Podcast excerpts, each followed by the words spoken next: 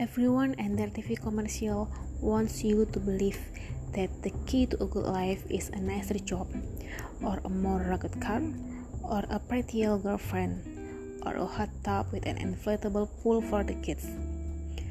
The world is constantly telling you that the path a better life is more, more, more.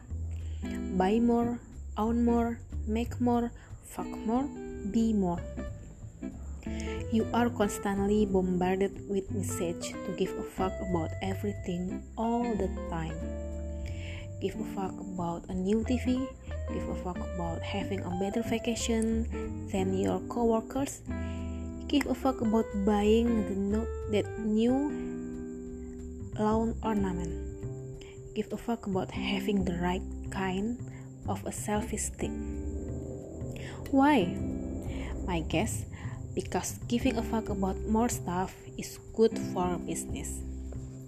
And while there's nothing wrong with good business, the problem is that giving too many fucks is bad for your mental health.